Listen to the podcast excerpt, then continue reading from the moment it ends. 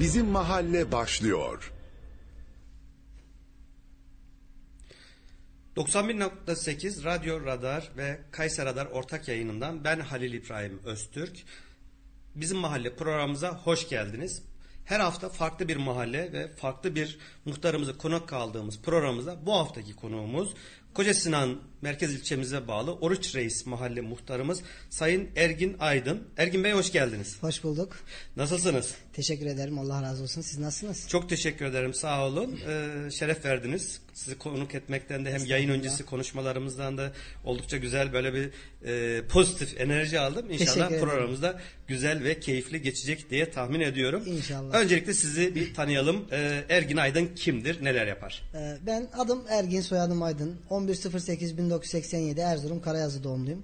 Bir yaşındayken Erzurum'a e, oradaki geçim sıkıntılarından dolayı Kayseri'ye geçtik. E, 90 şey özür dilerim 88'den beri Kayseri'deyiz. Burada ikamet ediyoruz. Oruç Reis Mahallesi'nde. Hani doğma büyüme bulalıyız diyebiliriz. Bir Dadaş, dadaşsınız yani. E, Kürt. Kürt asıllıyız. Kürt asıllı dadaş. Allah ya sıkıntı ya hepsi aynı. Peki. e, mu- muhtarlık yanında başka bir işle uğraştığınızı da Tabii, biliyoruz. e, biz Nedir şöyle söyleyeyim. e, geçmişten bugüne atadan dedeye diyelim restorançıyız. Lokanta işiyle uğraşıyoruz. Restoranım var şu anda da hali hazırda. E, mahallemizin karşısında bulunan Mobilya Kent'in içerisinde Kumsmal AVM'nin karşısında Orhan Usta Et Lokantası. işletmem var. Şu anda çalışıyoruz orada. Devam ediyoruz. Muhtarlık, iş devam ediyoruz. Peki Allah kolaylık versin. İnşallah Allah kısmet olsun. olursa da e, yemek yemeye de denk getireceğiz bekleriz inşallah. zaman. Şimdi e, Oruç Reis Mahallesi dediğimiz yer. Şimdi tarif etmek gerekirse bilmeyen dinleyicilerimiz ve izleyicilerimiz için. Oruç Reis'in sınırları nereden neredir? İçinde neler var? Oruç Reis Mahallesi şu şekilde söylemek gerekirse e, eğer ki hakkı verilmiş olsaydı Kayseri'nin kalbi olabilecek bir noktada bulunan bir yer. E, çevremizde Erkilet, Mithat Paşa, Şeker, Ziya Gökalp ve hali hazırda mevcut olan Mobilya kentin ortasında bulunan arazi. Orta bir yerleşkede her tarafa ulaşımı kolay, arazisi geniş, düz bir araziye sahip, yapısal olarak, konum olarak çok güzel bir mevki ve noktada bulunan bir mahalle. Nüfusu ne kadar? Ee, nüfusumuz şu an için 6000 küsür.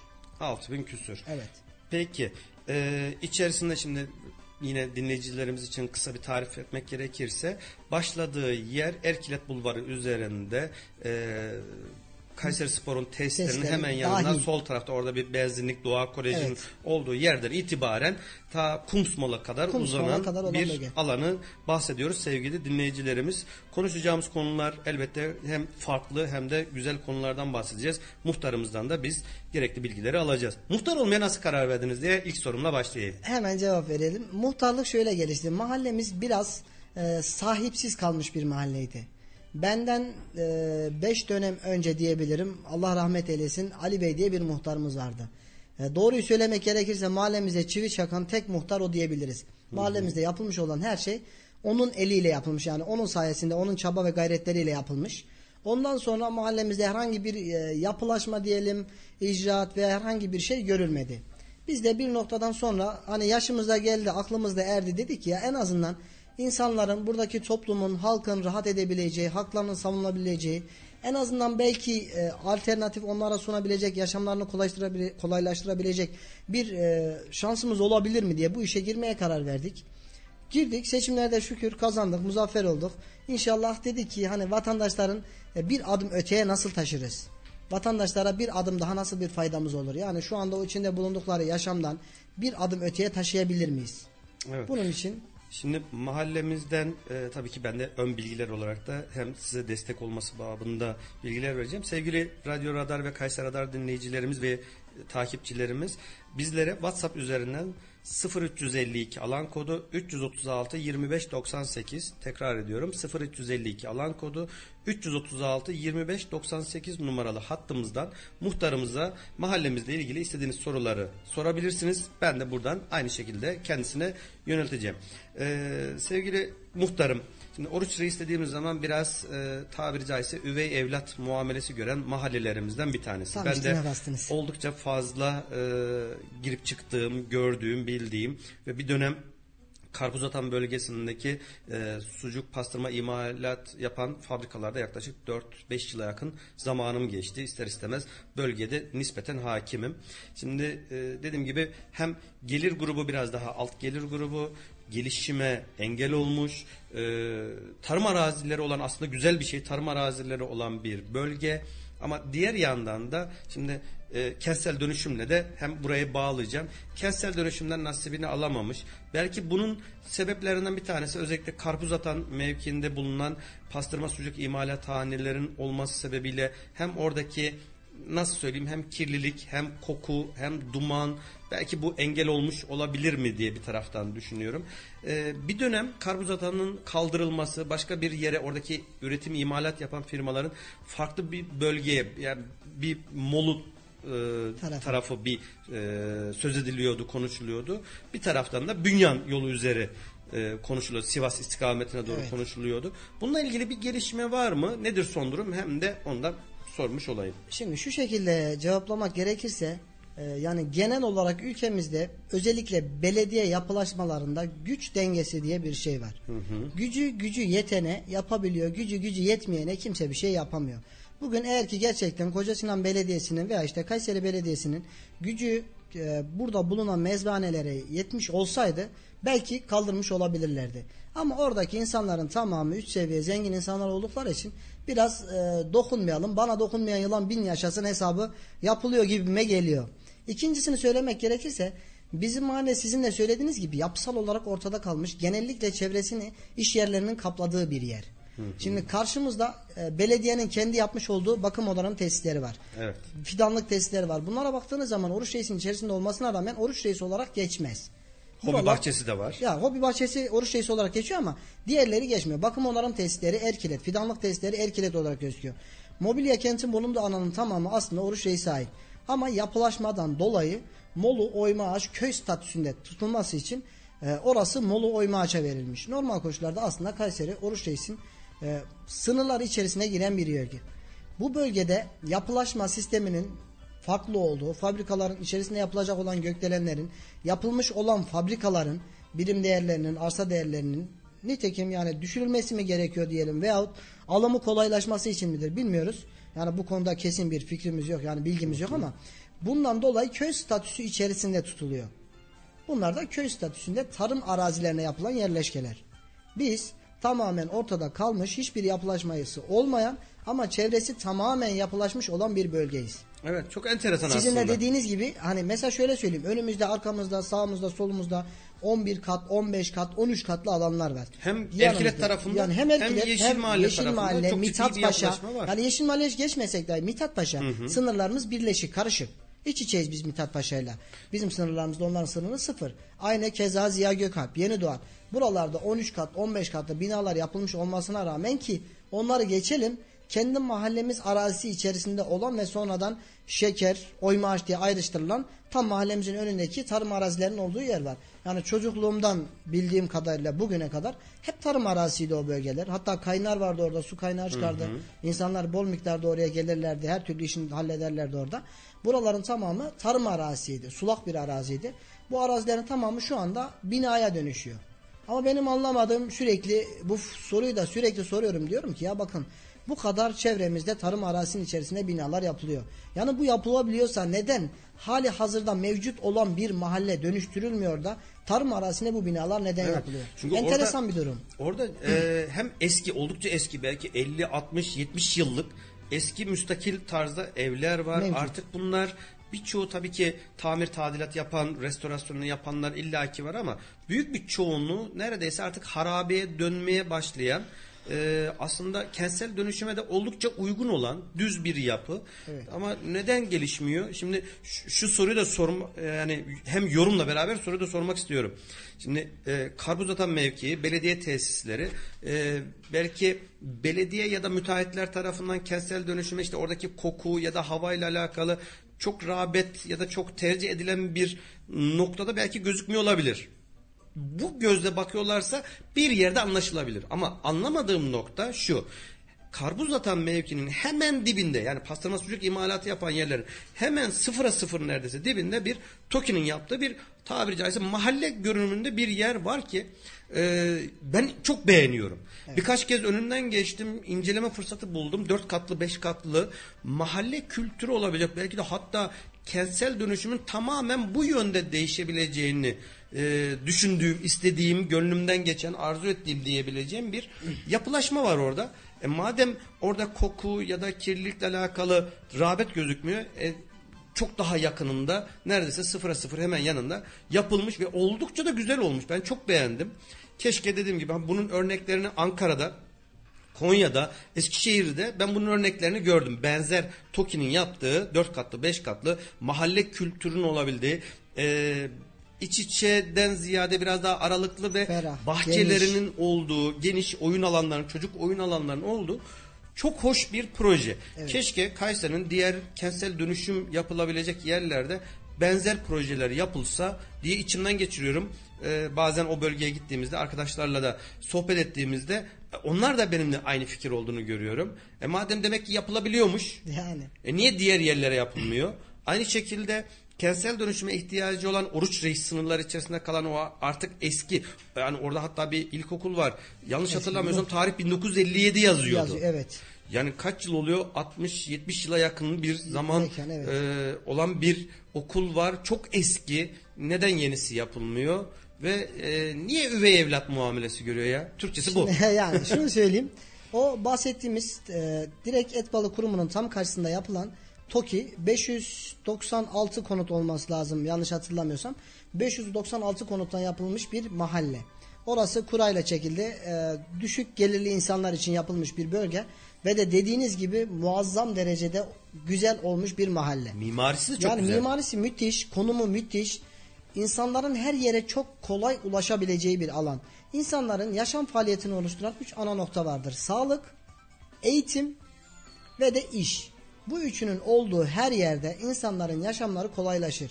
Ki şöyle baktığımız zaman bugün İldem Kayseri'nin bir ucu.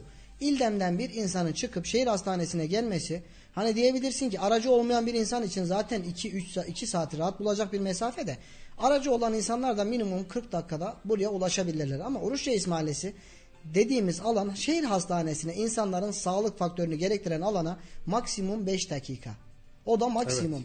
Aracı olmayan kişi otobüs dahi olmazsa yürüyerek dahi ulaşabileceği bir noktada. Bu kadar yakın. Yine uluslararası şey özür dilerim şehirler arası e, terminalimiz var otogar. Otogara gene aynı şekilde 4-5 dakikalık bir mesafedeyiz. Çevre yolun hemen kıyısındayız. Havaalanına da Ulaşımın çok yakın. Havaalanıyla aramızda maksimum 8-10 dakikalık bir mesafe var. Yani biz her yere istediğimiz koşulda, istediğimiz şekilde ulaşabileceğimiz bir yerin ortasındayız. Ama e, her şeyden muaf tutulmuş bir mahalleyiz. Şimdi şunu söylemek gerekirse hani dediğiniz sizin de söylediğiniz gibi buraya TOKİ yapılıyor da işte kokudan dolayıysa veya rahatsız edici ortam varsa bundan dolayı mı yapılmıyor? Hemen yanı başında yani Oruç Reis'in kendisine daha yakın mesafede Erkilet Cami Kebir var. Orada binalar 14, 15 katlı, 13 katlı, 11 katlı bu tarzda binalar var. Ve de bizim mahallemize gelebilecek bir koku veyahut işte ne bileyim sizin dediğiniz gibi zarar verecek ortamın oluşturacak her şey bizden önce oraya da gider. Tabii ki. Çünkü orası yüksek. Hem yüksek hem de rüzgar yönü. Yani, Yani, rüzgar yönü de açık güneyden o esen tarafa. rüzgar, kuzeye doğru esen rüzgar direkt o Direkt binalara oraya gider. e, gelecektir. Hatta onu da söyleyeceğim. Mesela Cami Kebir Mahallesi sizin sınırınız ve Sınırımız, Erkilet yeni işte kuzey çevre yoluna kadar ki olan bölge, Bölge. diğer taraftan da Kumsmol arasında kalmış. Arazi anlamında da oldukça küçük bir yer. Sizin belki dörtte biriniz, beşte biriniz kadar e, Yani. metrekare anlamında kapladı alan. Yani şahsi fikrim Cami Kebir'le Oruç Reis'in de birleştirilmesi. Çünkü 2018'deki ve 2019 özür dilerim. 2018'de yapılan kanunla 2019'daki yerel seçimlerde, Seçimlerde birçok mahalle bu şekilde Birleştirildi. 3-4 tanesi, 5 tanesi, 6 tanesi yerine göre birleştirilir. Tek Evet. bir mahalle haline getirildi. Şahsi fikrimde Cami Kebir'inde Oruç Reis'e bağlanması ve hizmetlerinde tek bir muhtarla çok daha sağlıklı bir şekilde ilerleyeceğini düşünüyorum ama tabii ki e, devlet büyüklerimizin bildiği illaki konular vardır Yani. diye düşünüyorum. Şimdi Karpuzatan mevki yine oradaki belki en çok konuşulan yerlerden bir tanesi. Şimdi bahsettiğiniz gibi bir e, yer değişikliği konusu vardı ama diğer taraftan da oradaki işletmecilerle görüştüğümüzde kendilerince haklı olan bir şey de var. Diyor ki biz burada çok uzun yıllardır buradayız. Tamam. biz bu konular geldiğinde farklı yere taşınma konusu geldiğinde orada bir demirbaş, orada bir bina. Yeni bir yer yapmaya kalktığımız zaman karşımıza korkunç rakamlar çıkıyor. Evet. Evet bu ciddi bir maliyet. Tekrar yeniden bir fabrika kurmak, daha modern bir yer haline getirmek her biri için gerçekten de çok büyük, Büyük rakamlar. Milyon aynen. milyon dolarları bulabilecek tekrar bir yatırım.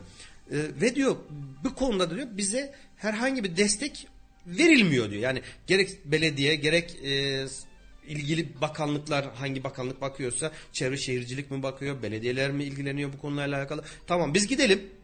Hem binamızı yenilemiş oluruz. Yani. Tamam. Daha sağlıklı bir yere geçelim. Altyapısı daha düzgün olan kanalizasyon, oradaki giderlerin çünkü ben o bölgede çalıştığım için uzun yıllar orada nasıl bir gider olduğunu, nasıl bir e, tabiri caizse çöp olduğunu, sonuçta ne olduğunu da yakinen bilenlerden bir tanesiyim.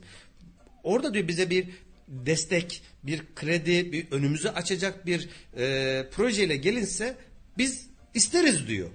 Oradaki e, Esnaflar. esnaflar diyeyim ya da imalathaneler diyeyim. Oranın yöneticileri. Şimdi onlar da kendilerince haklı Doğal olarak. doğal olarak ama öbür taraftan da belki de o bölgenin gelişimine engel olan bir e, imalathanelerden İmalathane, bahsediyoruz. aynen. Hem belediyenin kendi sosyal tesisi, bir taraftan Kumsmol'a yakın olan Keresteciler sitesi, Karbuz Atağı'ndaki sucukçular bölgenin yapılaşmasındaki belki de en büyük etkenlerden biri. Burada belediye ile görüştünüz mü hiç?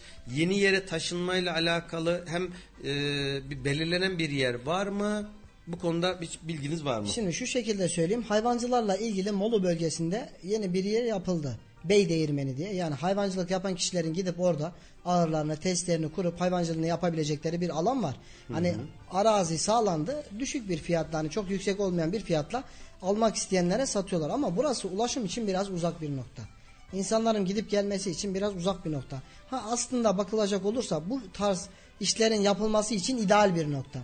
Ama bu sucukçular için aynı konuyu arz etmiyor. Çünkü bu insanlar yakın mesafede ticari hayatlarını devam ettirmeleri gerekiyor. Üretim artı satış e, ihtiyacı olan bir iş bu. Üretim yaptıktan sonra ulaşımı zor olduğu bir noktada bu insanlara siz bir yere gönderemezsiniz. Çünkü bu adam üretimini yapıp aynı anda kısa bir süre içerisinde satış alanlarına ulaştırması gerekiyor. Evet. Bunu da fiziksel olarak baktığımız zaman çevremizde yapılabilecek alanlar var. Ama sizin de söylemiş olduğunuz gibi burada hak sahibi insanlar var. Eğer ki siz belediye olarak, devlet olarak böyle bir şey yapmak istiyorsanız bu insanlara bunun zeminini hazırlamanız lazım.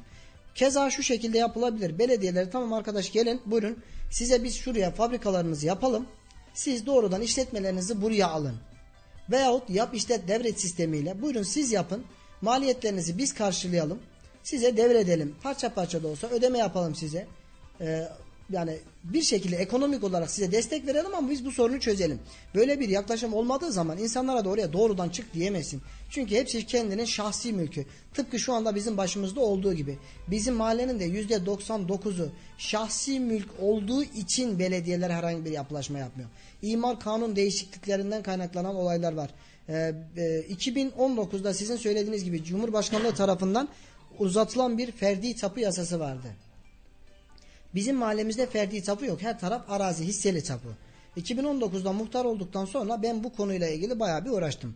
Belediyeye de gittim geldim. Yasanın uzatıldığını Cumhurbaşkanlığı tarafından bunun verilebileceğini böyle bir çalışma yapılmasını kişilerin herkesin ferdi tapunusunun verilmesini talep ettim ama olumlu bir cevap alamadık ve de yok denilip üstü kapatıldı. Zamanında bizim de eğer ki mahallemizde ferdi tapularımız verilmiş ol- olsaydı yani ibrazlı tapular imarı yapılmış tapularımız verilmiş olsaydı bugün kentsel dönüşüm gibi bir ihtiyacımız da olmazdı. Erkilet'te bugün nasıl binalar yapılıyorsa Oruç Reis'te de çoktan bu binalar yapılmış olurdu ki hemen önümüzde arazilerin içerisinde müteahhitler nasılsa ki bina yapabiliyorsa Oruç Reis'i hayli hayli yaparlardı.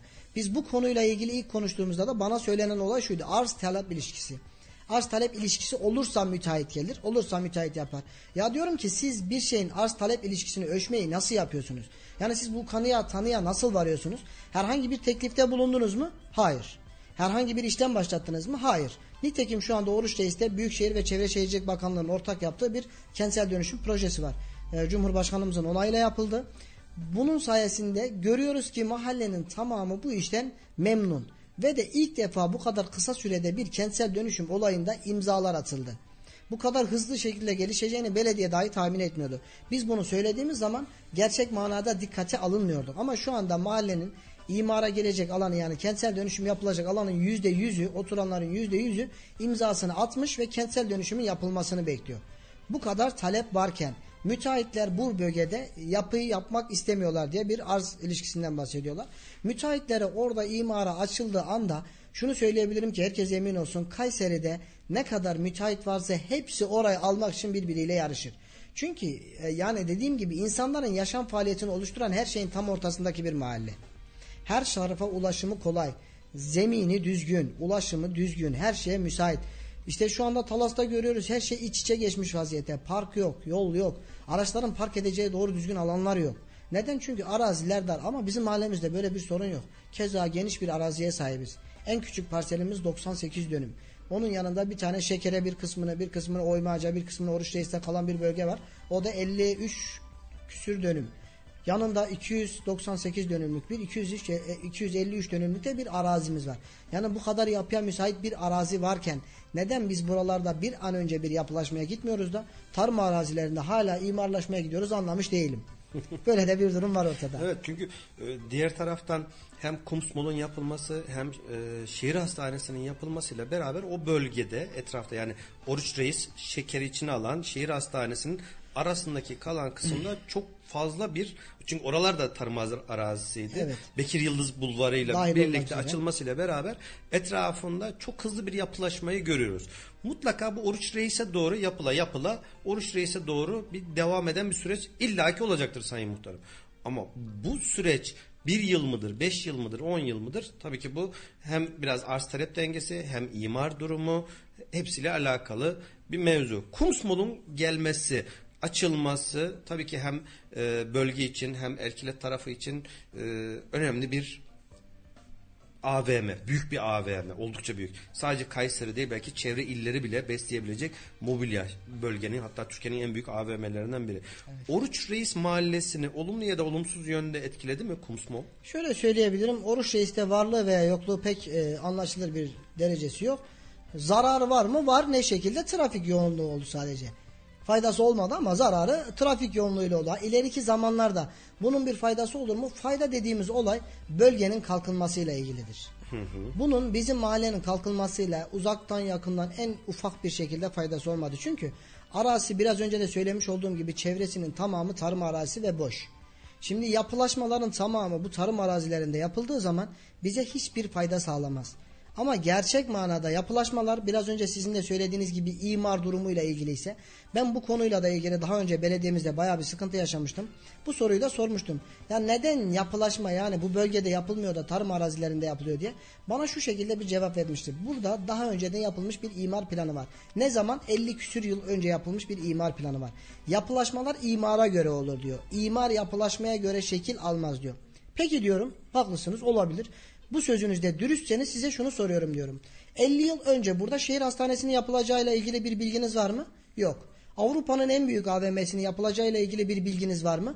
Yok. Peki hemen soruyorum yanındaki 688 tane iş yerinin yapılacağıyla ilgili elinizde bir proje var mıydı? Yok. E peki bu yapılaşmaların tamamı neden yeni imar düzenine göre oluyor da Oruç Reis sadece mevcut imar üzerinden geçiyor? Yani Oruç Reis'in buradaki ayrıştırılmasının sebebi nedir? Neden bu sürekli elinin tersiyle geriye itilen bir mahalle? Şimdi bir imarlaşma yapıyorsanız gerçekten vicdanen insan bir şey yapıyorsa çevresinde bir yapılaşma varsa o bölgenin yapılması gereken ilk bölge Oruç Reis. Neden? Orada yerleşik hayatın olduğu bir alan var. Tarım yapılan bir alan değil. Ee, nasıl söyleyeyim? Üretimin yapıldığı bir alan değil. Orada yerleşmiş bir hayat var. İnsanların yaşadığı bir alan var. Siz bu alanı bırakıp da doğrudan tarım arazisinde imar yaparsanız, tarım arazisinde yapılaşmaya giderseniz ben sizde samimiyet ve de dürüstlük görmem. Çünkü tarım arazileri göz göre göre heba edilirken orada bir mahalle hala terk edilmiş bir mahalle olarak duruyor.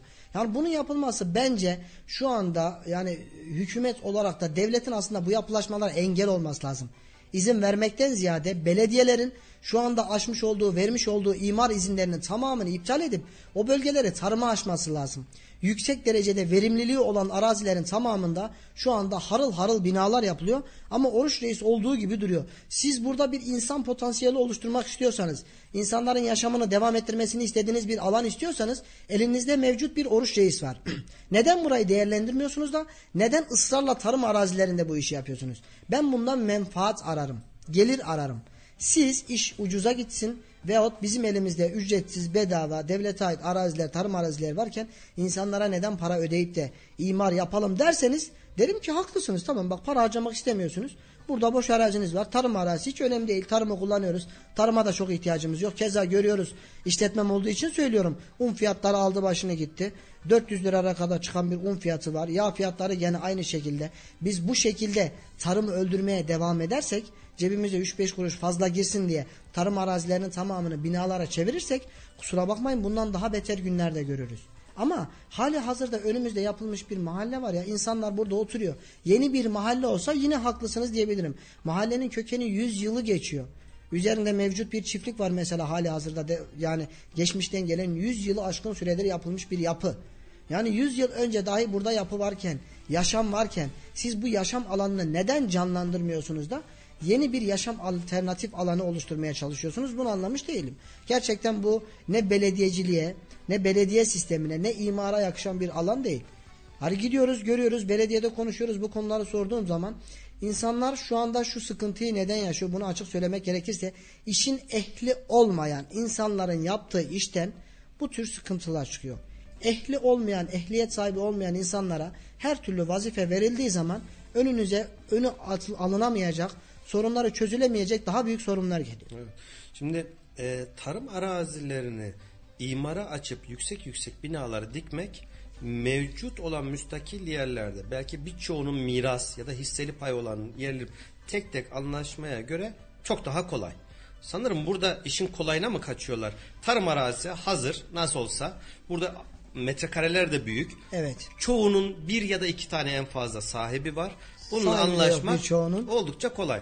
Ama diğer taraftan birbirine yakın olan e- eski 80-100 yıllık geçmişi olan e, evlerin birçoğu zaten miras. Her birinde belki 10, 20, 30 mirasçı var. Onlara da hem bir taraftan 3000 5000 metrekarelik bir imar için bir yer bulabilmek, e, onlarla bir anlaşma zemini hazırlayıp tekrar orayı kentsel dönüşüme çevirmek herhalde hem daha maliyetli müteahhitler için belediye açısından da imara sokmak sanırım daha zor olduğu için e, ne yapıyorlar belki işin kolay tarafına kaçıyorlar mı diyelim. Tabii Ama ki devlet olmak bunu gerektirmez mi? Tabii ki kimseyi töhmet altında ya da zan altında bırakmak istemiyorum ama sanırım öngördüğümüz ve ortaya çıkan olaylarda bunu biraz daha destekliyor gibi. Yani ama şimdi olay şu. Biz işin kolayına kaçmamız yalnız. Biz yıllarca işin kolayına kaçtıkta ne oldu? Bugün bakın ne bir yerli aracımız var ki keza şu anda başlanmış olan bir proje var ama işin kolayına kaçmak çözüm değil. Biz üretim yapmazsak bugünün yarınını masonların düşündüğü gibi 100 yıllık bir alanı geliri ileriyi düşünmezsek biz sürekli kaybeden taraf oluruz. İşin kolayına kaçmak her zaman insanlar için rahattır ama zor olanı başarmak akabinde daha fazla başarıyı getirir. Bugün Oruç Reis Mahallesi eğer ki Erkilet'ten çok çok daha önce Cami Kebir dediğimiz mahalle yanı başımızda olan buradan çok çok daha önce gelişmesi gereken bir mahalleydi. Çünkü yapısal olarak üstünde insanların en fazla olduğu bölge buydu. Erkilet sadece tepenin eski Erkilet'in olduğu yukarı Erkilet'ten mevcut bir alandı. Belediyelikti. Oradan aşağıya kadar neredeyse şehir merkezine kadar bağlanan bir arazinin tamamı yapılabildi de neden Oruç Reis yapılamıyor? Yani ben işin açıkçasını söylemek gerekirse şunu e, doğrudan söyleyebilirim. Oruç Reis göçebe halkın olduğu bir mahalle. Yani diyebilirsin ki Türkiye'nin her yerinden insanlar o bölgeye göç etmiş ve orada yaşıyor. Doğulusu, Güneydoğulusu, İç Anadolu bölgesi, batıdan dahi gelen insanlar var bu bölgede. Yerleşik hayata geçmiş insanlarımız mevcut. Yani dışarıdan gelip oturan insanlarımız çok. Ama bu kadar farkındalığı bir arada bulunduran bir mahallenin normal koşullarda elinin arkasıyla yitilmesi değil, her bir an önce en öne alınması gerekir. Çünkü ortada zengin bir toplum anlayışı var içerisinde. Birbirine kaynaşmış, yıllardır iç içe yaşayan her türden insanın olduğu bir mahalle. Yani bugün e, ötekileştirmek gibi söylemeyelim ama ben de Kürdüm mesela. Kürdüyle, Çerkeziyle, Avşarıyla, Türküyle, Sünnisiyle her türlü insanın içinde bulunduğu bir mahalle. Bu kadar kültürel zenginliğe sahip bir mahalleyi bu kadar elinin tersiyle itmek gerçekten hoş bir şey değil. Yani Sessiz, anlaşılır sakin bir bir şey mahalle. değil. Yani çok, Çok kendi halinde. büyük olaylar ya da asayişle alakalı çok büyük sıkıntılar sanırım yaşanmıyor Şunu fazla. söylemek gerekirse bundan 15 yıl önce evinin kapısını bırakıp hatta 10 yıl önce evinin kapısını arkaya kadar açık bırak çık git. Evinin önünde istersen torbayla altının dursun. Kimse gelip senin kapından bir adet altınını almazdı. Şu an için mahallemiz aynı mı? Değil. Neden? Çünkü toplumların iç içe kaynaştığı dönemlerde, gençlerin yetiştiği dönemlerde ve yetiştiği çağlarda kendi hayat koşullarına ayak uydurduğu bir dönemdeyiz. Siz gençlerin kötü ortamlardan uzak durması için bir alan oluşturmazsanız gençler önlerine çıkan ilk olayda yakaladıkları ilk fırsatta ne çıkıyorsa önlerine ona koşarlar. Bu uyuşturucunun bu kadar patlak vermesinin en büyük sebeplerinden biri de budur. Ki bizim mahallemizde de bu olay fazla derecede görülmeye başlandı. Ha şükür ben muhtar olduğum günden beri elhamdülillah e, narkotiğin de, de büyük desteğiyle bunu yüzde doksanın üzerinde bitirdik ama siz gençlerle gençlere bir uğraş, bir e, durak onları durduracak veya onları zamanını geçirecek bir alan hazırlamazsanız ne olur gençler kendilerini atabilecekleri veya onları çeken insanların doğrudan peşinden gitmek zorunda kalacaklar. Çünkü gidip gelebileceği bir alan yok. Bir spor tesisi, bir sosyal tesis. Ki biz bu spor tesisini, sosyal tesisi geçelim. Bizim mahallemizde daha bir fırın dahi yok. Yani insanların gidip bir sıcak ekmek alayım da veya ya işte misafirim gelecek gideyim de bir peynirli attırırım. Kayseri'nin yörecelidir bu. Herkes gider. Mahalle fırınlarında peynirli attırır, patatesli attırır, yaptırır. Biz bunların tamamından mahrum bir bölgeyiz. Tabii market bile yok. neredeyse. Ya market bile doğru ya kurumsal market hiç yok da mahalle bakkallarıyla geçiniyoruz. Hani Evet, bakkal. mahalle bakkallarının olması kötü mü? İyi, çok güzel. Bence ben memnunum mahalle bakkallarından ama Tabii ki. yani her türlü alternatifi barındırması gereken bir alan. Yani bu kadar her şeyden mahrum edilmemesi gerekiyor diye düşünüyorum. Tramvay çalışması var. Kumsmol'un yanına kadar, Oruç Reis'in hemen dibine kadar neredeyse gelecek. Evet. Tramvayın e, belki bitmesi önümüzdeki yazı belki bulur bilmiyorum. tam. 11. ay gibi diyorlar. E, gelecek yıl 11. Evet. ay yaklaşık bir yıl gibi bir süre. E, tramvayın gelmesi bölgeyi canlandırır mı sizce yoksa sadece Kumsmol AVM için mi yapıldı? Kumsmalı OVM ve hastane için yapılmış bir alan. Bizim mahalle statüsü içerisinde yani herhangi geçiş bir alanı yok. Aslında bu projede yapılırken ben bunda da büyük bir tuhaflık görüyorum. Yani sonuçta biz yapılaşmalar imara göre olur diyorsak bu imar projesini çizen kişilerin işin ehli olsa yani ben dahi işin ehli olmayan biriyim. Mimarlıkla hiçbir alakam yoktur ama bu tarz bir proje çizdiğim zaman madem ki bu proje sucukçuların arka tarafından Erkilet bölgesinden geliyorsa oradan küçük bir kavisle Ayancık Caddesi'nin ortasına kadar getirir.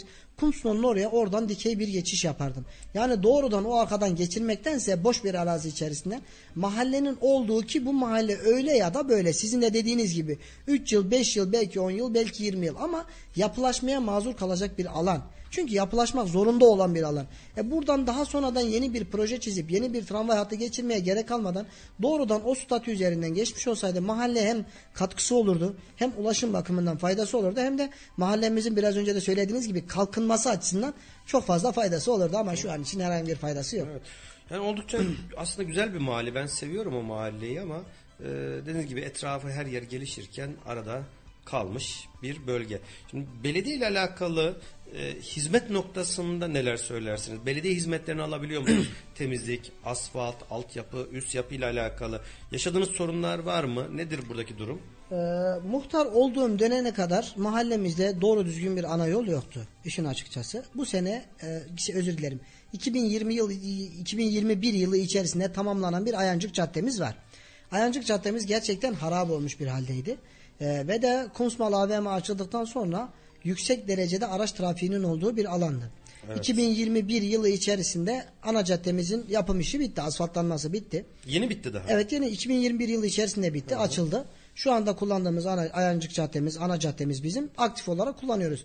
Ee, belediye hizmetleri demek gerekirse de onu da şöyle hani detaylı olarak açıklamak gerekirse mahallemiz yıllarca tüm Kayseri'nin bütün çöpünü pisliğini almış bir mahalle. Çevremize diyebiliriz ki e, eski Koca Sinan Belediye Başkanı Bekir Yıldız zamanından kalma hala çöp alanları mevcut. Çöptür, molozdur, işte artıklardır her şeyin oluşturduğu büyük bir arazi var orada. Yüksek derecede büyük. Yani öyle e, diyebiliriz ki rahat bir 300 dönümün üzerinde bir arazi. çöp ve moloz arazisi olarak birleştirilmiş. Üzerine yıllarca yığınaklar yapılmış, üst üste dökülmüş. Yaklaşık 6-7 metre, 8 metre yüksekliğinde büyük bir arazi var. Tepe olmaya Tepe başladı. olmuş yani artık. Bizim tepeyle düzleşmiş ama aşağıya göre tepe olmuş bir alan. Yani buralar yıllarca insanların e, yanlış biraz önce de söylediğimiz gibi belediyenin yanlış çalışmasından kısa mesafede kolay çözümün olduğu, insanların ses çıkarmadığı, kimsenin hakkını savunmadığı bir mahalle olduğu için de yıllarca bu alanlara bu çöpler dökülmüş ki kısa zaman içerisinde şuradan e, iki ay önce, üç ay öncesine kadar hala mevcut yeni yapılan okulumuz var. Şehit Mehmet Kökkaya. Onun arkasında da bir boş arazi var. Bakım onarım testleri, e, keresteciler fitesi ve fidanlığın tam ortasında bulunan bir alan var. Boş arazi. Oraya da belediye dahil olmak üzere herkes çöp döküyordu. Şimdi Bu var mı konuda hala? bu konuda bayağı bir e, çaba gayret sarf ettik kaldırmak için. Çabalarımız sonuç verdi. En son işte iki hafta önce çöp arazi şu anda nitekim düzleştirilmiş vaziyette. Bir bölümü alınmış. Diğer kalan bölümü en azından e, nezaketen de olsa düzeltilmiş. Biraz daha göze hoş görünür bir hale gelmiş ama şimdiye kadar sürekli yakılan, kokunun, pisliğin çıktığı büyük bir çöp araziydi ve de bu eğitim alanıyla sıfıra sıfır bir alanda. Biz bu konuda bayağı bir savaş verdik diyebiliriz. Şükür iki hafta önce e, neticesini aldık. Bir bölümü kaldırıldı. Diğer bölümü düzleştirildi. İnşallah ilerleyenki zamanlarda tamamen kaldırılmasını umut İnşallah. ediyoruz. Çünkü eskiden yani bir 30-35 yıl geriye gittiğimizde e, Ergin Bey Kayseri'nin çöpleri şu anki Beştepeler mesire alanının olduğu bölgeye dökülüyordu. Evet. Orası Kayseri'nin çöp toplama merkeziydi. Evet. Zaman zaman orada dumanlar, ufak ufak yangınlar çıktığı zaman. Sonra orası artık şehir merkezi haline geldi. Etraf genişleme başladıktan sonra bu sefer Kumarlı mevkiine şu anki Gökkent dediğimiz o bölgeye hemen oradaki vadi gibi bir yere dökülmeye başladı. Yani Cırgalan'ın karşısı. E, Nasıl söyleyeyim? Mazakaland'ın tam karşı tarafına Evet. içeriye doğru girilişte yapılıyordu ve tabiri caizse çöp yığınlarının olduğu, devasa büyük alanların olduğu bir bölge oldu. Orası da artık Beyazşehir ve İldem'in gelişmeye başladıktan sonra da şimdi artık e, şehrin e, Ankara yönündeki giriş tarafına, Muğla tarafına çöp toplama merkezleri yapıldı. Güzel de oldu. Şimdi Oruç Reis için de bahsettiğiniz konular belki önceden e, evet orası belki uygundu ama etrafın gelişmesiyle beraber buna da tekrar belediyenin çözüm bulup daha farklı bir alan, daha şehrin dışına alacağı ve oranın da artık bir yaşam alanı olduğunu, etrafında AVM'lerin, iş merkezlerinin olduğu bir bölge hasebiyle de orayı artık tamamen ortadan kaldırıp daha şehir dışına alması gerekiyor. Belediye ile alakalı temizlik hizmetleri özellikle bu konuda dertli olduğunuzu biliyoruz. Ee, neler yaşadınız? Şimdi temizlik e, işlerinin yapılabilmesi için aslında e, doğru olan bu bölgenin bu işe müsait olmasıdır.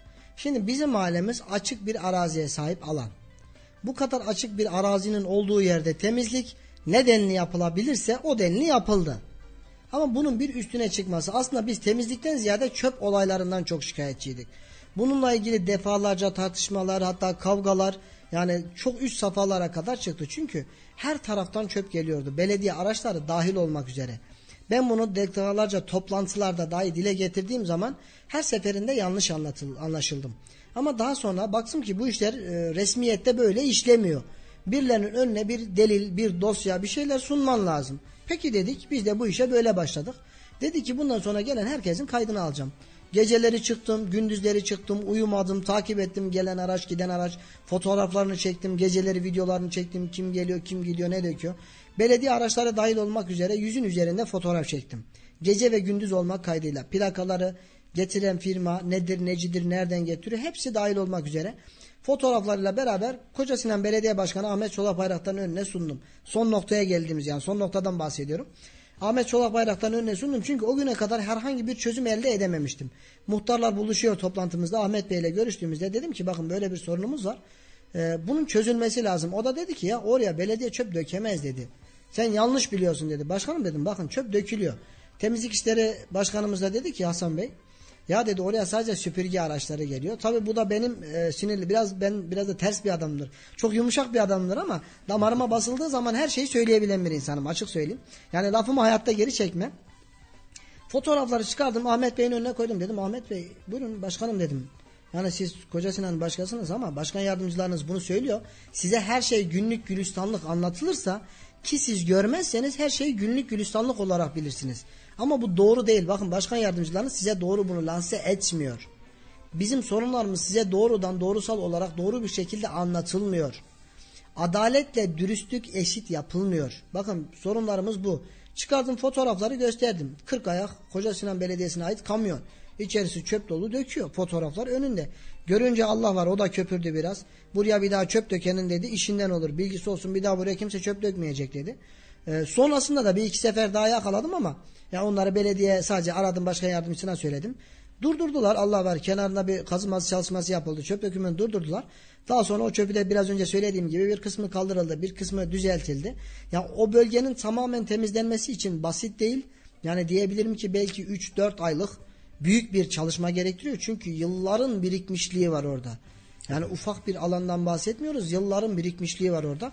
Yani belki iki, belki üç ay kamyonlar, düzinelerce kamyonun çalışıp o bölgeyi anca temizleyebileceği bir alan. Yani aslında belediyemiz de bu konuda biraz neyden şikayetçi? Bizim orası hayvancılığın olduğu bir yer. Biz temizlik konusunda, çöp konusunda biraz ısrarcı olduğumuz zaman onlar da hayvancılık konusunda ısrarcı oluyorlardı. Yani işte çevrenizde çöp döküyorlar. Hatta biz bununla ilgili zabıta müdürlüğünde bayağı ağır bir tartışmamız da oldu. İşte dedim ki bakın zabıtalara söyledim dedim bakın burada çöp dökülüyor. Gelip tutana tutup ceza yazmanız lazım. Onlar da bana işte buraya gübre döküldüğünü niye onları şikayet etmediğimizi de sürekli bu araçları şikayet ettiğimi söylediler. Ben de dedim ki hayvan gübresini dökene ceza yazıyorsunuz. Bunlara da dökün.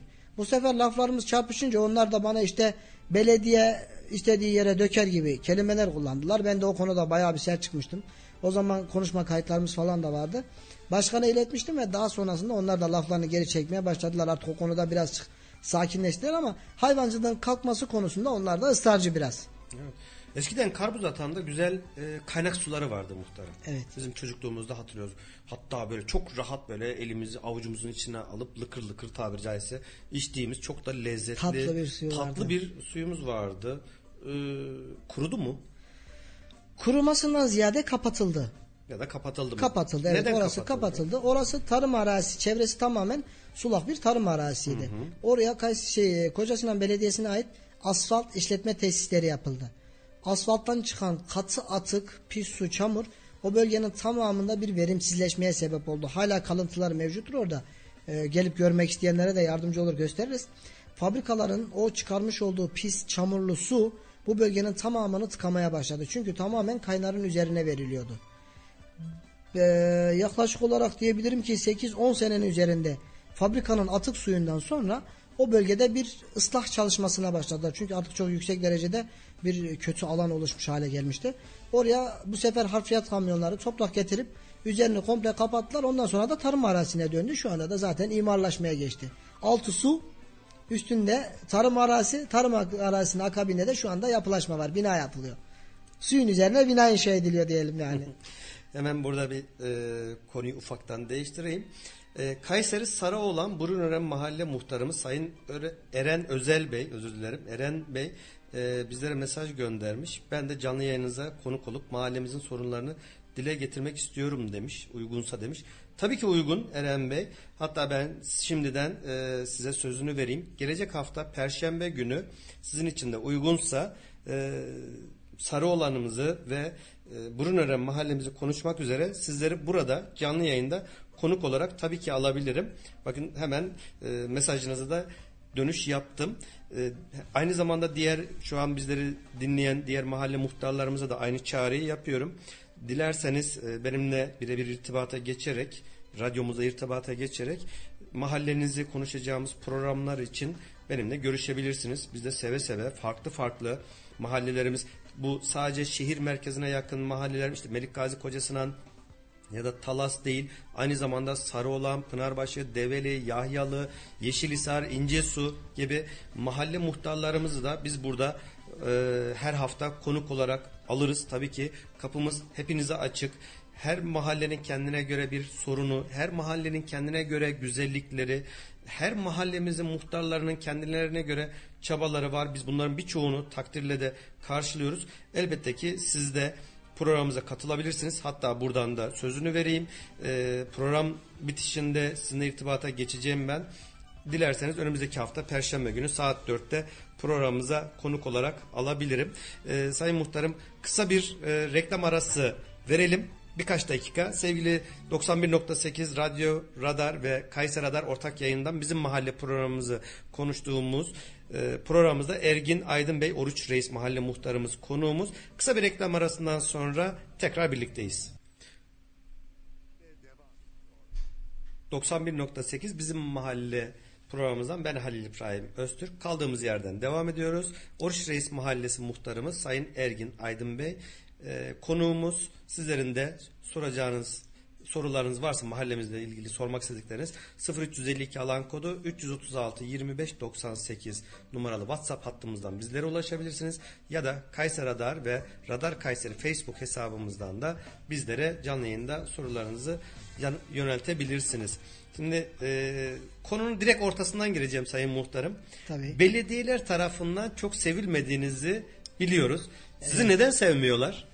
Şöyle söyleyeyim benden önceki muhtarlar sağ olsunlar hiçbir şey istememişler.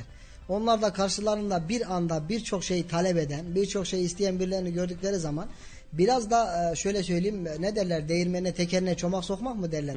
O şekilde ibraz etmek gerekirse hiçbir toplumda veya hiçbir toplantıda sözünü çekmeyen bir muhtarım. Herkesin yaptığı şeyi yüzüne söylerim. Kesinlikle lafımı geri çekmem. Yapılması gereken işlerde en üst meclislere gidilebilecek en son noktaya kadar giden biriyim. E, lafımı da çekmiyorum. Hiçbir şekilde geride durmadığım için beni pek sevmezler. İşte ne muhtar sayılmış, se- seçilmiş olabilirim. Bu konuda sıkıntı yok. Çünkü yani ben şunu söyleyeyim ben şahsım adına muhtar olduğum günden beri belediyemizden tek bir şey istemedim. Veyahut bir şahsın mahallemde ikamet eden bir şahsın şahsi bir işi için de gitmedim. Mahallem yani mahallemin kitlesel sorunları, halkın tamamını ilgilendiren işler için belediye gittiğim zaman karşımda doğru bir muhatap veya işlerimi sorunlarımı çözecek kati bir kişiyle karşılaşmazsam bu benim ağrıma gider. Çünkü ben e, insanların gözünde küçük de görülse seçilmiş bir kişiyim. Temsil ettiğim bir kişi, üç kişi, beş kişi fark etmez bir mahalle var. Sayısı hiç önemli değil. Beni bir kişi de seçmiş olsa, yüz kişilik bir mahallede olsa benim temsil ettiğim bir halk var. Ben bu halkı temsil ediyorsam bunların hakkını sonuna kadar savunmak zorundayım. Ve ben bu hakkı savunurken şahsi menfaatlerimi düşünsem veyahut affedersiniz yalakalık yapsam herkes beni çok sever. Ama ben şahsi menfaatlerimi gözetmeyip sadece halkımın hakkını savunduğum için istenmeyen bir muhtar ilan edilmiş olabilirim. Somut bir Hiç iki örnek değil. verir misiniz? Belediyeden herhangi bir konuda bir talebiniz karşısında size e, yöneltilen cevap ne oldu? Karşılığında siz neler söylediniz? O zaman çok geriye gitmeye gerek yok. İki hafta önce kadar söyleyebilirim. İki hafta önce belediyemizde görüştüğüm mahallemizin ana kavşağın olduğu yani Ayancık Caddesi'nin olduğu tepenin tam dönüş noktasında asfaltlama yapılan alanda yağmur gideri yok. Yani bir yağmur gideri var ama Meyil aşağıda suyun toplandığı yer yaklaşık diyebilirim ki 20 metre alan mazgalın olduğu yer 5 metre sonra öbür tarafta. Yani suyla alakası yok. Burada büyük derecede bir su oluşuyor. Videoları, kayıtları hepsi mevcut. Aradım dedim sayın müdürüm bakın böyle böyle bir durum var. Buraya bir mazgal gideri yapılması lazım. Kaski ile görüştüm. Kaski geliyor ama bir sıkıntı çıkıyor. Koca Sinan Belediyesi e, Fen İşleri Müdürlüğü'nden izin çıkmadığına dair bir bilgi var. Nedir necidir? İşte yapılamaz. Zamanı değil. Biz asfaltı kapattık. Ya asfaltı kapatmış olabilirsin. Benim asfalta ihtiyacım yok burada. Sana yol asfaltla demiyorum. Buraya mazgal gideri konulacak. Bağlantıyı yaparsın. Kısa vadede kısa çözüm nedir? Üzerine bir e, parke taşı gerekirse veyahut molozu dökersin. Çakılı dökersin olur biter. Yani burada su birikmesini engelledikten sonra geri kalanı seferruat. Hava ısındıktan sonra yağmur yağmadıktan sonra yer kuruduktan sonra asfaltını istediğin gibi yaparsın. Ben bunun karşılığında istediğin yere şikayet et, istediğin yere söyle. Herkesin dönüp dolaşıp geleceği yer benim. Ben izin vermedikten sonra kimse yapamaz. Bunun üzerine ben de doğrudan sağ olsun e, Kayseri Büyükşehir Belediye Başkanımız Memduh Büyükkılıç'ın ve e, Vali Bey'in Kayseri Valisi Şehmuz Günaydın ikisine de buradan selamlarımı iletiyorum. İkisi de yani gerçek manada insanlara, muhtarlara özellikle yardımcı olan iki şahıs. Kendilerinin ikisinin de şahsına buradan gerçekten çok teşekkür ediyorum. Şahsi numaraları mevcut bende. Aradım Büyükşehir Belediye Başkanımız Sayın Memduh Büyükkılıç'a dedim ki böyle bir sorunum var. Bakın belediye arıyorum. Bu tarz cevaplar alıyorum. Yani bunun çözülmesi lazım. Keza aynı sorun e, işletmemin önünde de vardı. Lokantamın önünde de vardı. 30 metrelik bir alan su birikiyor. İşletmenin girişine giriş yok. Aradığın zaman Koca Sinan Belediyesi buranın kesimine izin vermiyor. Ana yol dahil olmak üzere kesime izin vermiyor. Asfalt kesilemez diyor. Büyükşehir Belediye Başkanımız Menduh Büyükkılıç'a videoyu çekip attıktan e, bir gün sonra Menduh Bey kendisine buradan selamlarımı iletiyorum. Gönderdi. Ekipler geldi. Kaski geldi. Hemen kazısını yaptı. E, yağmur giderini bağladılar. E, üç gün sonra da yer kuruyunca da işte dediğim gibi üzerine çakıllama yaptılar çamur olmasın diye. Üç gün sonra da yerler kuruyunca da Büyükşehir Belediyesi'nin kendi araçları gelip asfaltını atıp kapattılar. Yani bu kadar kolay olacak bir şey. İnsanlar neden güçleştirmekten yani önünü kesmekten yana tavır aldığını anlamış değilim. Sonuçta burada oturuyorsan bu işi yapmak zorundasın. Ben sana bir taleple geliyorsam gelip evimin önüne asfaltta demiyorum ya da ya bahçemde su gideri tıkanmış gel de şu su giderini aç ya da yağmur gideri yap demiyorum sana. Mahallemin topluma zararı olan bir bölgesinde bu sorunun çözülmesini istiyorum. Sen bu sorunu olumlu ya da olumsuz yapılabilecek veya yapılamayacak her ne olursa olsun buraya gelip gerekirse beni yanına alırsın dersin ki ya arkadaş bak şimdi ben burada bu çalışma yapacağım ama bu çalışma buraya zarar verir doğru bir şey değil dersin. Bana sebebini anlatırsın ben de derim ki ya adam haklı mantıklıysa haklıysa derim ki ya bunu başka bir şekilde çözmeye çalışalım bu iş yapılmıyor. Ama siz doğrudan bana derseniz ki ya işte istediğin yere şikayet et. Herkesin dönüp dolaşıp geleceği yer benim. Ben izin vermedikten sonra kimse yapamaz derse ben de doğrudan Büyükşehir Belediye Başkanı aradım yaptırdım. Yani sonuç olarak o da yapamamış olsaydı bu sefer Vali Bey'i arayacaktım. Ki başıma başka bir olay da gelmişti aynı şekilde. O zaman da Sayın Şehmus Günay'dan aramıştım. Sağ olsun kendisi bir anda e, diyebilirim ki Kayseri'de ne kadar yetkili amir, memur varsa hepsi kapıma dizildi. Ve sorunumu çözdüler. Yani bu konular buraya neden geliyor anlamış değilim. Mahallemizdeki bir sorunu nasıl vatandaş beni arayıp söyleyebiliyorsa ben de aynı şekilde belediye söylediğim zaman bunun gerçek manada çözüm odaklı çalışılması lazım. Ters cevap veya işte yapılır yapılamaz. Vali Bey'in bu konuda da kesin talimatı vardır mesela. Muhtarların yapmış olduğu taleplerin tamamına yazılı sözlü olarak olumlu veya olumsuz dönüş yapmayan herkesin karşısında ben varım dedi. Bu sözü de buradan belediyenin bütün çalışanlarına hatırlatmak isterim. Yalnız biz bu konunun vali beye gitmesi gereken bir konu olduğunu düşünmüyoruz. Yani sonuçta adam bu ilin en yetkili kişisi. Buna gidene kadar binlerce, on binlerce yetkili var. Neden bu oralara kadar gidiyor da daha basit alt mertebede kişiler görevini hakkıyla yapmıyor. Böyle sorunlar yaşıyoruz. İşte ondan sonra da muhtar istenmeyen muhtar ilan ediliyor. Aslında mahallede de aynı şekilde istenmeyen muhtarımdır. Mahalle halkı da mı istemiyor? Mahalle halkı da beni istemez. Neden? Şimdi e, Belediyeyi anladık. Ha, belediye şimdi Mahalle insanların halkı ne e, durumda? anlayış tarzı çok farklı. Belediyede beni sevmemesinden kaynaklı mahalle sakinlerinde de şöyle bir zihniyet, şöyle bir oluşum var. İşte mahalleli belediye bu muhtarı sevmiyor. Bu muhtar bizim mahalleye bir şey yaptıramıyor. Ama insanlar şunun farkına varmalı. Eğer ki ben kimsenin iyisine, kötüsüne, etlisine, sütlüsüne karışmazsam, herkesin her şeyine eyvallah dersem belediye beni baş üstünde tutar. Yani belediye için demiyorum. Bir iş yerinde çalıştığımı farz edelim. Çalıştığım iş yerinde her türlü hile hurda dönse, ben hiç kimsenin etlisine, sütlüsüne karışmazsam, herkesin her yaptığına tamam dersem, herkes beni çok sever. Ama ben yanlışa müdahale edersem, bak bu konuda haksızsınız, bu konuda yanlışsınız dersem, zoruna giden kişiler beni sevmez. İnsanlar bu kadar basit bir düşünceyi bile benim kötü olduğumu algılayarak bu kanıya varıyorlar. Halbuki ben gerçek manada bu göreve başladığım günden beri yani diyebilirim ki dişimi tırnağımı yiye yiye taka dişimle tırnağımla kazıya kazıya her şeyi yaptırmanın gayretindeyim. Şahsi menfaat gözetmeden ileriye dönük bir düşüncesi olmadan sadece halkımın hakkını gözetmek için yaptığım çalışmalar. Mesela bir ezan programı vardı. Sizle pek konuşturmuyorum. Kusura bakmayın biraz konuşalım. ben keyifle dinliyorum sizi. Buyurun. Ee, ezan programıyla ilgili bir sıkıntımız vardı bizim. Mahallemizin belirli bir bölge tepenin üst kısmında ezan sesi gitmiyordu. Ramazan ayında insanlar ezanı duyup da iftarını açamıyorlardı. Aşağıda oturan, ön cephede oturan tanıdıklarını, akrabalarını arayıp ya ezan okudu mu? Ya da televizyondan açıp da ya televizyonda okudu mu, mahallenin ezanı da okudu mu gibi e, söylemlerde oluyorlardı. İnsanlar ezan sesine hasretti. Dedi ki müftülüğe gittim dedim ki bakın sayın müftüm, ilçe müftümüze böyle böyle bir sıkıntımız var. Yani bizim bu sorunu çözmemiz lazım. Bir şekilde çözelim. Nasıl yapacağız? E, 3,5 e, 3500 TL para getirmeniz lazım dediler. Ben bunu karşılayamam dedim. Yani benim öyle bir şahsıma ait öyle bir bütçem yok. E, mahallemizin de bir bütçesi olmadığına göre bunu sizin yapmanız lazım. Nitekim siz müftülüksünüz. Yok sizin getirmeniz lazım. Tamam dedim o zaman ben mahallemin camisinde bunu anons ettireyim. Camimizin hocasına da söyleyeyim. Bu parayı bir hafta, iki hafta, üç hafta neyse toplayalım ondan sonra getirelim. Bu sefer de hayır sen mahalleden para toplayamasın öyle bir metkin yok.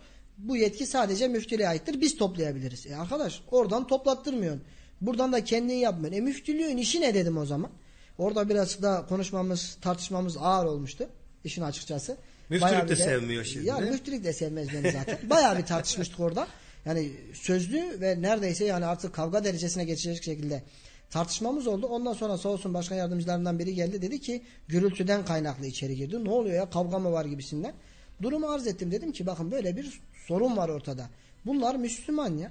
Siz de diyanet işlerisiniz. İşiniz İslam'a hizmet. Siz insanların dini konusunda sıkıntılarını giderebildiğiniz kadar gidermek zorundasınız. Amacınız, gayeniz bu.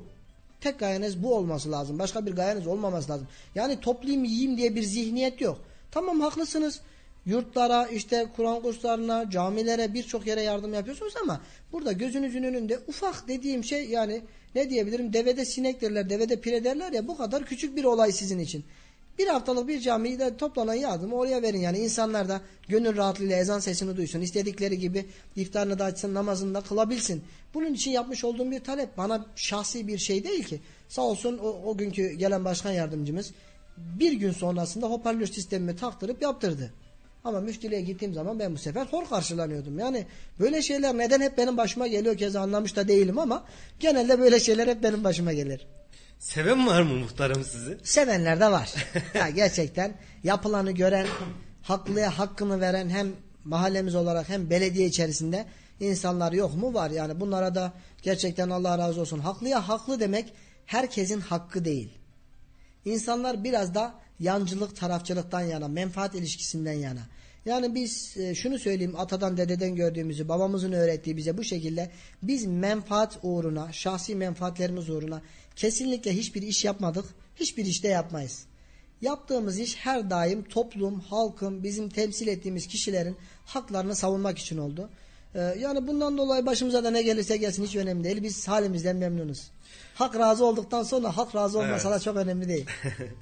E, meyve veren ağacı taşlarlar Taşlarlar. diye bir Sıkıntı cümle yok. var. Siz tabii ki hem mahallenin sorunlarıyla ilgilenen bir muhtarsınız. Onların e, daha kaliteli bir yaşam sürmesi için elinizden geleni yapıyorsunuz. Ama bunun karşılığında da önünüze ket vuran, önünüze engeller çıkaran anlattığınız kadarıyla kurumlar var. Hem kurum hem kuruluşlar.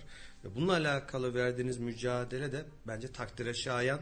Bırakın sevmiyorlarsa sevmesinler. Hiç sıkıntı değil. Çalışan bir muhtar olduğunuzu biz biliyoruz, görüyoruz. Ee, gücünüz nispetinde el verdiği kadar mahalleye hizmet etmeye çalıştığınızı da biliyoruz. Şimdi sosyal tesis anlamında herhangi bir tesis var mı? Ee, mahallemizde geçen yıla kadar herhangi bir sosyal tesis veya aktivite alanı ki onları geçelim doğru düzgün bir park bile yoktu. Evet. Ee, geçen yıl biraz fazla şekilde ısrarcı olduk. Şükür bir halı saha yaptırabildik. İşte onlara da şu tarz bir yaklaşım var. İşte oynayacak kimse olmaz. Kimse kullanmaz. Atıl kalır. Fuzuli yere yatırım yaptırıyorsunuz gibi e, tepkiler alıyoruz. Ben ne diyorum ki ya yapmadığınız bir şey karşısında insanları neden böyle itham ediyorsunuz? Hani yaptığınız şeylerde haklı olsanız haklısınız derim. Görüyoruz ki Erkilet'te mesela adım başı halı saha, park, sosyal alan dolu. Ama içerisinde insan yok. Çünkü o kadar fazla yapmışsınız ki insanların kaldırabileceği yani kaldırması gereken olaydan çok çok daha fazla. Ha bir tane yaparsın insanlar talep eder gider dolar taşar kullanır orayı fazla fazla. Yetmez ikincisini yaparsınız yetmez üçüncüsü dördüncüsü ama o kadar talep olmadan siz birden ikiden üçten fazlasını yaptığınız zaman bu fuzuli. Ben bunu her zaman anlatırken şu tabiri kullanıyorum. Bazı noktalarda iyi bazı noktalarda kötü karşılanıyor. Biz e, adaletle eşitliği birbirine karşılaştırıyoruz.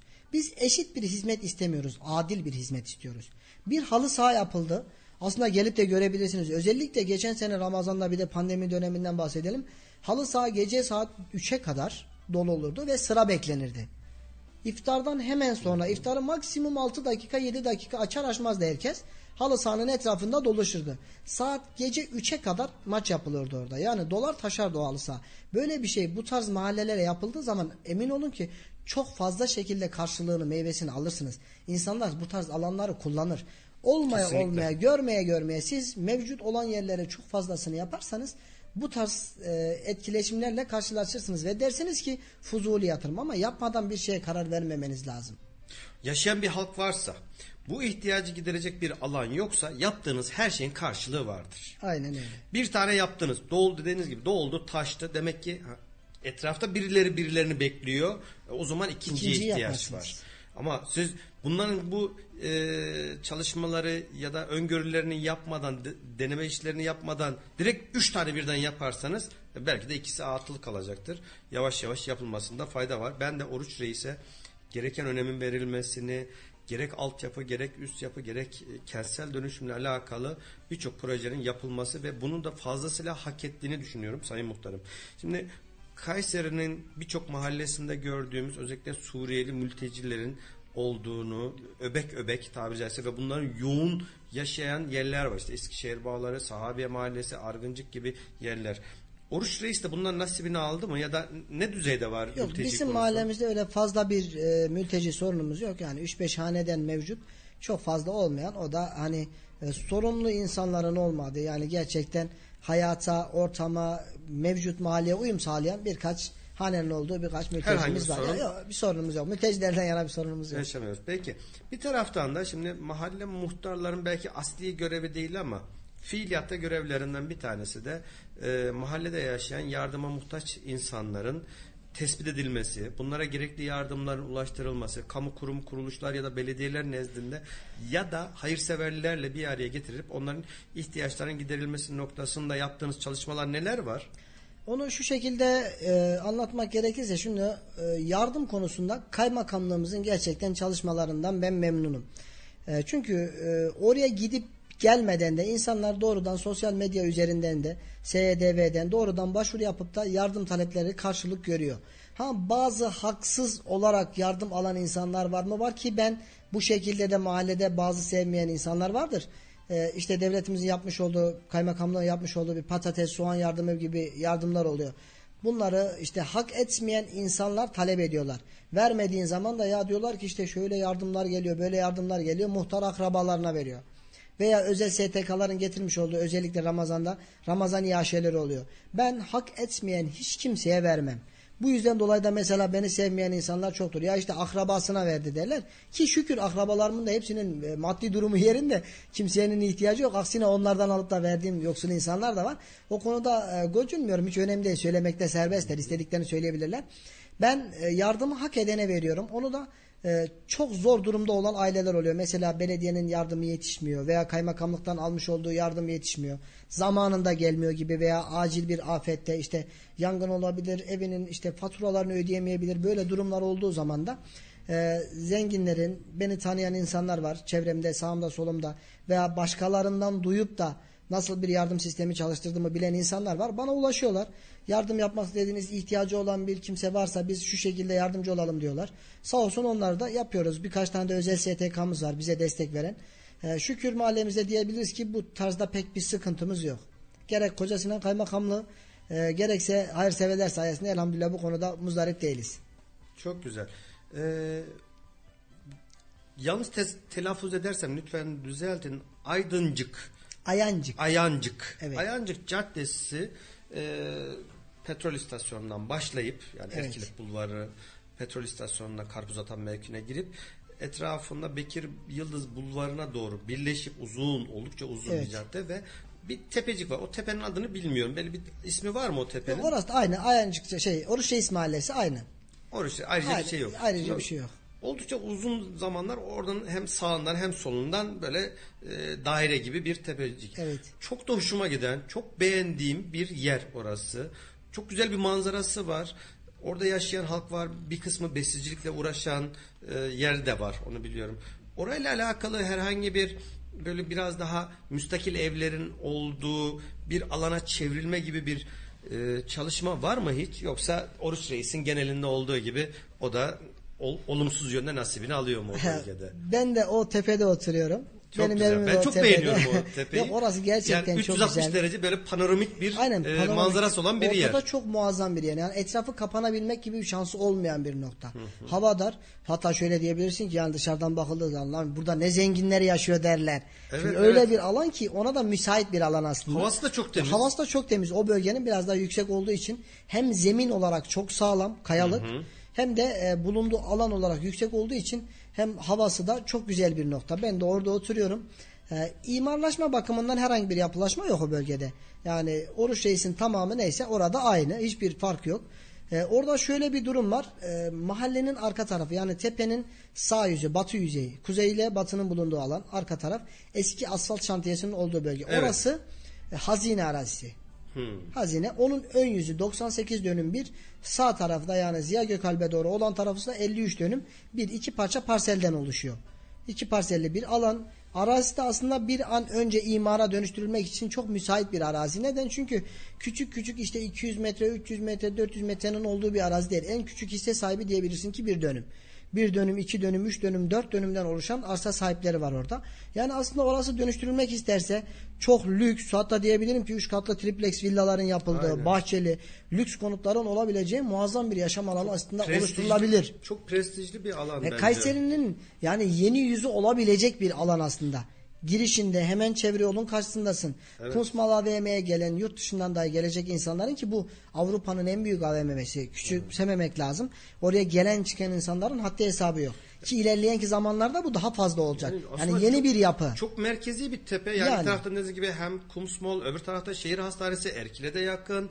Ee, diğer tarafta otogara yakın. Sanayi, yeni sanayi bölgesine oldukça yakın. İnanılmaz bir Erciyes manzarası var. Arka tarafta Erkilet tarafından manzara var. Her tarafa hakim, olan Hakim bir, bir yer. alan. Yani o bölge için bir dönüşümle beraber ciddi prestij, belki iş alanları ya da ofislerin olabileceği bir yer. Yani farklı farklı alanlar olarak değerlendirilebilir. Belki bir sosyal tesis, bir kafe, bir restoran alanı oluşabilir. Mesire alanı olarak belki değerlendirilebilir. Oldukça farklı ve güzel değerlendirilebilecek bir yer. Benzer şekilde mesela Şekertepe Evler tarafı da var. Evet. Şeker tarafında e, şeker fabrikasının hemen sırt tarafına gelen orası da keza benzer bir şekilde. Orası belki biraz daha nispeten daha e, ayancık tarafına göre belki biraz daha olumlu yönde etkilenmiş ama bence orası da hak ettiği değeri bulmayan noktalardan bir tanesi. Hem şehre yakın hem inanılmaz bir manzarası var hem havası güzel. Keşke daha güzel bir şekilde Şekilde değerlendirilebilse yapılaşmış olsa, evet. diyorum. Eklemek istedikleriniz var mı Sayın Muhtarım? Yavaş yavaş sona doğru yaklaşıyoruz. Tabii ben e, buradan Hem gerçek talepleriniz, manada- yani kamu kurum ve kuruluşlardan, belediyelerden talepleriniz, hem bölgede yaşayan, mahallenizde yaşayan e, vatandaşlarımıza yönelik hem Kayseri Radar ve Radyo Radar takipçilerimiz ve dinleyicilerimize genel bir e, talepleriniz ya da mesajlarınız varsa dinlemek isterim. Peki ben onu şu şekilde bitireyim o zaman. Ee, şu an ülke olarak bir sıkıntılı dönemden geçiyoruz ki bu sadece bizim ülkemiz için değil, e, dünya piyasasının yaşamış olduğu büyük bir sıkıntı var. Bu sıkıntılardan kaynaklı olarak da ekonomik olarak biraz zorluklar, güçlükler çekiyoruz. Hem ferdi olarak, ailesel olarak hem de devletin yönetim birimleriyle kaynaklanan bir e, sıkıntılı dönem. Ama biz bu sıkıntıyı nasıl e, iyi bir konuma taşırız? Şu var, e, belediyemizin bizim en büyük talebimiz şu anda kentsel dönüşümün bir an önce yapılması ya da kentsel dönüşüm zorunlu değil. Bunun yerine belediye aslında asıl olarak belediyenin işi e, bunu da araya sıkıştırmış olalım. Üst yapı değil bir belediyenin işi altyapıdır. Ne zaman ki bir belediye üst yapıya karıştı o zaman işler karıştı. Aslında belediyeler sadece kendi vazifesi olan altyapıları yapmış olsalardı yapılaşmalar inanın buna göre çok çok daha güzel olabilirdi. Ki yani belediyeler e, kentsel dönüşümden ziyade oluşacak imar alanlarını yapılacak olan yerlerin sosyal donatılarını, altyapılarını hazırlasalar bundan sonra müteahhitlere gel kardeşim bak burada böyle bir alan hazırladık. Buraya girmek ister misiniz? Böylece ihale edip hem vatandaşların memnun olacağı, hem müteahhitlerin memnun olacağı, hem belediyenin kendi şeklinde ağır bir yükün altına girmeyeceği yeni bir sistem oluşturmaları bence e, benim için çok çok daha iyi olur ama ee, şu anda Kentsel Dönüşüm Daire Başkanlığı, Çevre Şehircilik Bakanlığı ile beraber Büyükşehir Belediye'mizin yürütmüş olduğu Oruç Reis'teki Cumhurbaşkanlığımızın imzasıyla yapılan kentsel dönüşüm birinci alan e, başladı yapılıyor ama bu tek noktada kalmasını istemiyoruz. Şu anda yeni işlemlerin, yeni taleplerin toplanıp ikinci ve üçüncü bölgenin de bir an önce vatandaşların menfaati için yani orada yaşayan insanların da artık e, yeter dediği bir dönemdeyiz biraz karşılık görmesi, biraz rahata ermesi, yıllardır çektikleri çilenin az da olsa azalması, rahat bir hayat yaşaması için e, bir an önce bu kentsel dönüşüm olayının yapılmasını, e, yetkililerin, görevlerin hani gerekirse hani sadece bu Koca Sinan veya Büyükşehir Belediyesi değil, doğrudan kentsel dönüşüm daire başkanlığının yapmış olacağı bir projeyle müteahhitlere verilerek veya işte kendi yapmak isteyen kişilere arkadaş burada şu tarz bir bina yapabilirsin veya şu projeye uygun şekilde istersen şu projeye uygun yapabilirsin, müteahhite verebilirsin gibi bir çalışma yaparlarsa çok memnun oluruz. O zaman da böyle bir çalışma akabinde ne temizlik sorunumuz kalır, ne sosyal donatı sorunumuz kalır. Ne başta söylediğimiz gibi işte fırın sorunumuz ne market sorunumuz hiçbir sorunumuz kalmaz. O zaman sorunlarla ilgili değil geleceğimizle ilgili konuşmuş oluruz. Kesinlikle. Yeter ki bunlara bir an önce el atılsın. Ben yine söylüyorum programın başında da söyledik karpuz atanın hemen taraf yan tarafına yapılan yani neredeyse sıfıra sıfır, Sıfır, yanına yapılan e, TOKİ yerleşimini hem bina hem yerleşim hem yaşam alanı hem park bahçe olarak ben çok beğeniyorum. Çok hoşuma gidiyor. Keşke Kayseri'nin diğer bölgesinde bu sadece TOKİ eliyle söylemiyorum bunu. Yani. e, hem Çevre Şehircilik Bakanlığı'nın hem Büyükşehir ya da Kocasinan Melik Gazi Talas ilgili belediyelerin yeni yaşam alanlarına benzer bir e, yapılaşma, benzer bir binalaşmayla beraber yaparsa hem özlediğimiz, hasret kaldığımız mahalle kültürü hem yüksek yüksek binalar yerine daha yaşanabilir, Kesinlikle. çocuklara daha fazla yaşam alanı, park bahçeler verebildiğimiz, aynı zamanda komşuluk ilişkilerinin daha sağlıklı olduğu, yüksek binaların yanında farklı farklı yerlerin olmadığı bir e, Kayseri inşallah görürüz. Şimdi burada bahsettiğiniz gibi bu söylediğiniz belki 50'li 60'lı hatta 70'li yıllara kadar devam eden özellikle Fevzi Çakmak, e, Uğur Evler, Yıldız Evler tarafı Sahabiye oralarda önce e, imar planları yapılıyor. Kat müsaadeleri her birinin arazi ya da imar planları yapılıyor.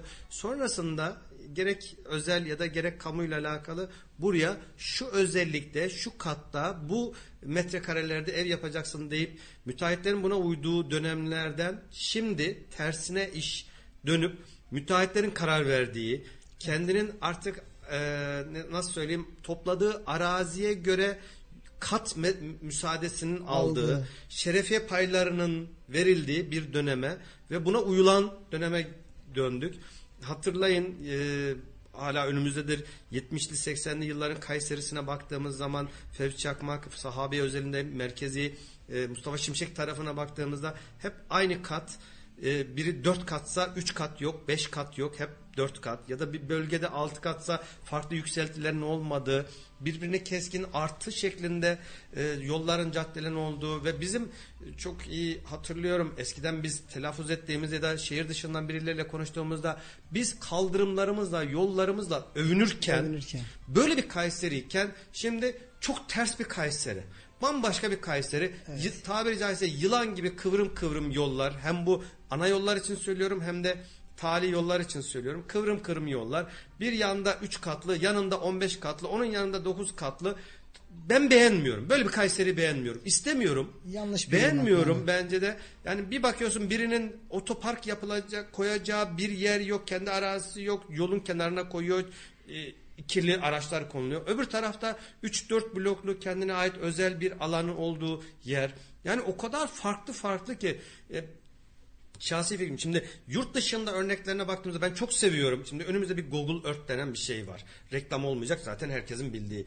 Google Earth'te sokak görünümleri ya da şehir planlarına bir baktığımızda dünyanın birçok şehrinde gelişmiş ya da orta ölçekli bile bizim seviyemizde olan e, ülkelerin şehirlerini incelediğimizde belli alanlar hep iş merkezleri belirli yükseltilerde ya da mahalleler belirli alanlarda birbirini keskin köşelerle yapılan oldukça düzenli şehirleri görüyoruz. Ama Kayseri'ye döndüğümüzde hele hele şu son 10-20 yıla baktığımızda bambaşka bunun tam tersi olan müteahhitlerin kendi topladığı arsa paylarına göre kat müsaadesinin aldığı ve yine söylüyorum iki kat yanına 15 kat onun yanına 3 kat öbürünün yanına öbürü.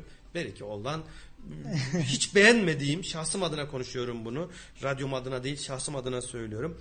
Beğenmediğim kötü bir görüntü olan bir Kayseri 70'li yıllardaki bundan 40 yıl 50 yıl önceki şehir planlamasının bugünkünden misliyle çok daha fazla iyi olduğu bir Kayseri maalesef görüyoruz. Sizlerin de son olarak eklemek istedikleriniz varsa yavaşça toparlayalım. Tabii. İşte şimdi sizin de söylediğiniz gibi e, şu andaki yeni yapılan Oruç Reis Mahallesi yani Kentsel Dönüşüm Daire Başkanlığı'nın yaptığı gerçekten özlemiş olduğumuz, istemiş olduğumuz bir yaşam alanı yapılıyor. Yani projesinde e, görmek isteyen arkadaşlar Kentsel Dönüşüm Daire Başkanlığı'na gidip görebilirler. Gerçekten benim çok hoşuma gidiyor. Yani şahsi fikrimdir bu. Mahalleli sever sevmez veya başka insanlar sever sevmez. Ama şahsım olarak benim çok beğendiğim bir proje. Keşke mahallenin tamamı bu şekilde yapılsa da bir an önce hızlı bir şekilde Keşke. herkes e, mutlu Örnek bir şekilde olsa, yani örnek örnek, olsa. olsa bütün Kayseri'ye Yani sadece Oruç Reis için değil. Bu Sancaktepe, Boztepe, Argıncık, Ambar, Yeşil Mahalle buralar için de geçerli. Keşke bu şekilde bir dönüşüm başlasa da insanlar rahat nefes alacak bir şekilde yaşantısını e, böyle canı gönülden isteyerek sabah işine gidip akşamdan şu evime koşa koşa gideyim gibisinden bir yaşam alanı oluştursa da herkes çok mutlu olsa, herkes memnun olsa, herkes e, yani şikayeti bırakıp mutluluğundan bahsetse e, inşallah iyi olur. Buradan da ben e, AK Parti'nin Koca Sinan ilçe başkanı var. Mel şey özür dilerim Hüseyin Okan'dan şahsi olarak hani burada insanlar belki partisel olarak düşünebilir veyahut işte e, tarafçılık olarak düşünebilir, partizanlık olarak düşünebilir. Ondan dolayı değil ama Hüseyin Okan'da şahsi olarak beğendiğim, takdir ettiğim bir arkadaşımız. Kendisini de buradan selamlıyorum. Gerçekten sorun ve sıkıntıya düştüğün zaman ulaşılabilir bir insan. Yani şu anda günümüzde bizim en büyük sıkıntımız ulaşım zorluğu. Biz insanlara ulaşamıyoruz. Ulaşmak istediğimiz kişilere ulaşamıyoruz. Ulaşılabilir insan ulaşa, e, ulaşılabilir bir insan olduğu için buradan Hüseyin Okan'dan ve yardımcısı Melik Bey var. Ona çok çok teşekkür ediyorum. Aynı anda Kazım Bey'imiz de var. Kazım Bey'i de unutmamak lazım. Ona da aradığımız zaman istediğimiz gibi ulaşabiliyoruz. O da iyi partidendir. Evet Kazım Evet. Yücel. O da iyi partidendir mesela. Benim için hani particiliğin çok bir önemi yok. Benim için insanların şahsi, kişisel e, fikirleri önemlidir. Benim e, ülkem adına, vatandaşım adına hayrı düşünen herkes benim için hayırlıdır. Hayırsız düşünen herkes de benim için hayırsızdır. A parti, B parti, C parti, Müslüman, e, Hristiyan, Yahudi hiç önemli değil. Önemli olan düşüncesinin temiz olmasıdır. E, bu kişilere de e, keza önünüzde selamlarımı iletiyorum, saygılarımı da sunuyorum. Allah hepsinden razı olsun. Ee, Allah'a emanet olunuz. Programda beni davet ettiğiniz için çok çok teşekkür ederim. İnşallah devamı da gelir. e, farklı programlarda yaparız. İnşallah. Bizim için e, mutluluk vericiydi. Çok teşekkür ediyorum. Ergin Bey çok teşekkür ederim. Ben teşekkür Programımıza ederim. renk kattınız. Çok keyifli bir sohbetti Allah benim için de. olsun. Ee, inşallah dinleyicilerimiz ve takipçilerimiz için de aynı şekilde güzel, verimli, tatlı bir sohbet olmuştur. Tabii ki İnşallah. ilerleyen zamanlarda sizi yeniden konuk etmeyi canı gönülden biz de isteriz. Bizim mahalle programımıza katıldınız. Çok teşekkür ediyorum tekrar. Ben teşekkür ederim. 91.8 Radyo Radar ve Kayser Radar ortak yayınından bizim mahalle programından ben Halil İbrahim Öztürk. Bu haftaki konuğum Oruç Reis Mahalle Muhtarımız Sayın Ergin Aydın Bey'di. Mahallemizi konuştuk. Önümüzdeki hafta e, yayında da sözünü verdiğim gibi Sarıoğlan e, ilçemize bağlı mahalle muhtarımızı Eren Bey'i konuk edeceğiz. E, yayından sonra kendisiyle bir görüşme yapacağım. E, ve aynı şekilde diğer mahalle muhtarlarımız e, yine söylüyorum çok talep var bu konuda programa katılmakla alakalı. Farklı farklı yerlere, farklı ilçelerden farklı mahalle muhtarlarımızı e, almayı ben de çok istiyorum, seviyorum. E, keyifli bir program olduğuna da şahsım adına da inanıyorum. Mu- muhtarlarımız da direkt radyomuzda ve benimle iletişime geçebilirler. Bizleri dinlediniz, zaman ayırdınız sevgili dinleyicilerimiz ve takipçilerimiz. Hepinize sonsuz teşekkür ediyorum. Önümüzdeki hafta Perşembe günü yine aynı saatte buluşmak üzere. Hoşçakalın. Bizim mahalle sona erdi.